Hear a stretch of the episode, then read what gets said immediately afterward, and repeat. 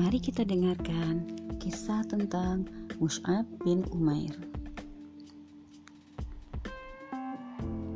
Tahukah anak-anak sekalian, Mus'ab bin Umair adalah seorang remaja Quraisy terkemuka, seorang yang paling ganteng dan tampan, penuh dengan jiwa dan semangat kemudaan. Ia lahir dan dibesarkan dalam kesenangan dan tumbuh dalam lingkungannya.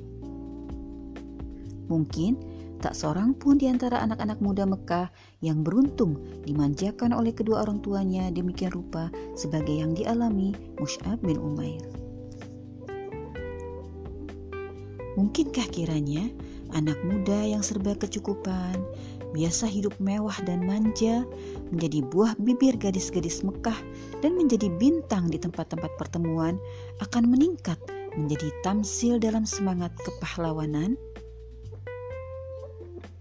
Sungguh, suatu riwayat penuh pesona. Riwayat Mus'ab bin Umair.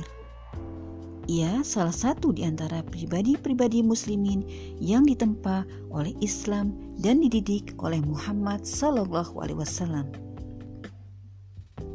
Suatu hari, anak muda ini mendengar berita yang telah tersebar luas di kalangan warga Mekah mengenai Muhammad al-Amin.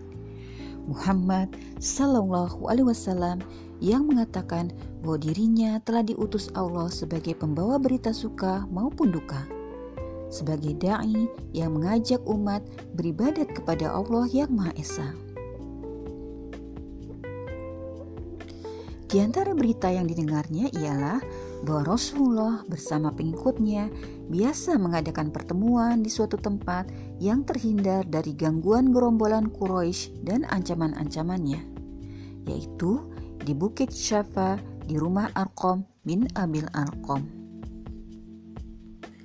Keraguannya tiada berjalan lama, hanya sebentar waktu ia menunggu, maka pada suatu senja didorong oleh kerinduannya, pergilah ia ke rumah Arkom menyertai rombongan itu. Di tempat itu, Rasulullah SAW sering berkumpul dengan para sahabatnya tempat mengajarnya ayat-ayat Al-Quran dan membawa mereka salat beribadat kepada Allah yang Maha Akbar. Baru saja Mus'ab mengambil tempat duduknya, ayat-ayat Al-Quran mulai mengalir dari kalbu Rasulullah bergema melalui kedua bibirnya dan sampai ke telinga, meresap di hati para pendengar. Di senja itu, Mus'ab bin terpesona oleh untayan kalimat Rasulullah yang tepat menemui sasaran pada kalbunya. Hampir saja anak muda itu terangkat dari tempat duduknya karena rasa haru dan serasa terbang ia karena gembira.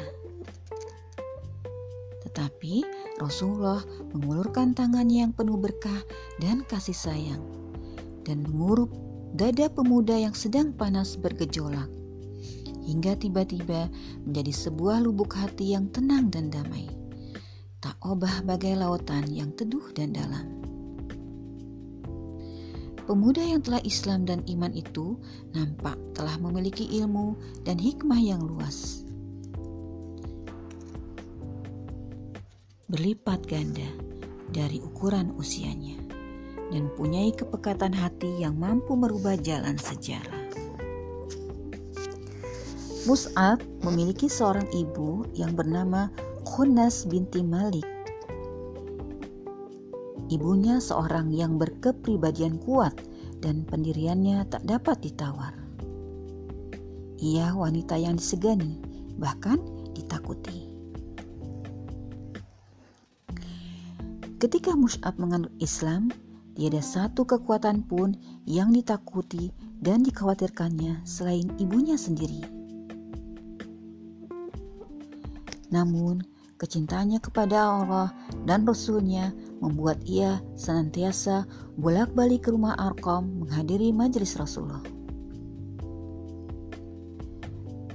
Dan dia bersedia menebusnya dengan amarah murka ibunya yang belum mengetahui berita keislamannya. Tetapi di kota Mekah tiada rahasia yang tersembunyi apalagi dalam suasana seperti itu. Mata kaum Quraisy berkeliaran di mana-mana, mengikuti setiap langkah dan menyelusuri setiap jejak. Kebetulan, seorang yang bernama Usman bin Tolha melihat Mus'ab memasuki rumah Arkom secara sembunyi. Kemudian, pada hari yang lain, dilihatnya pula ia sholat seperti Muhammad Sallallahu Alaihi Wasallam.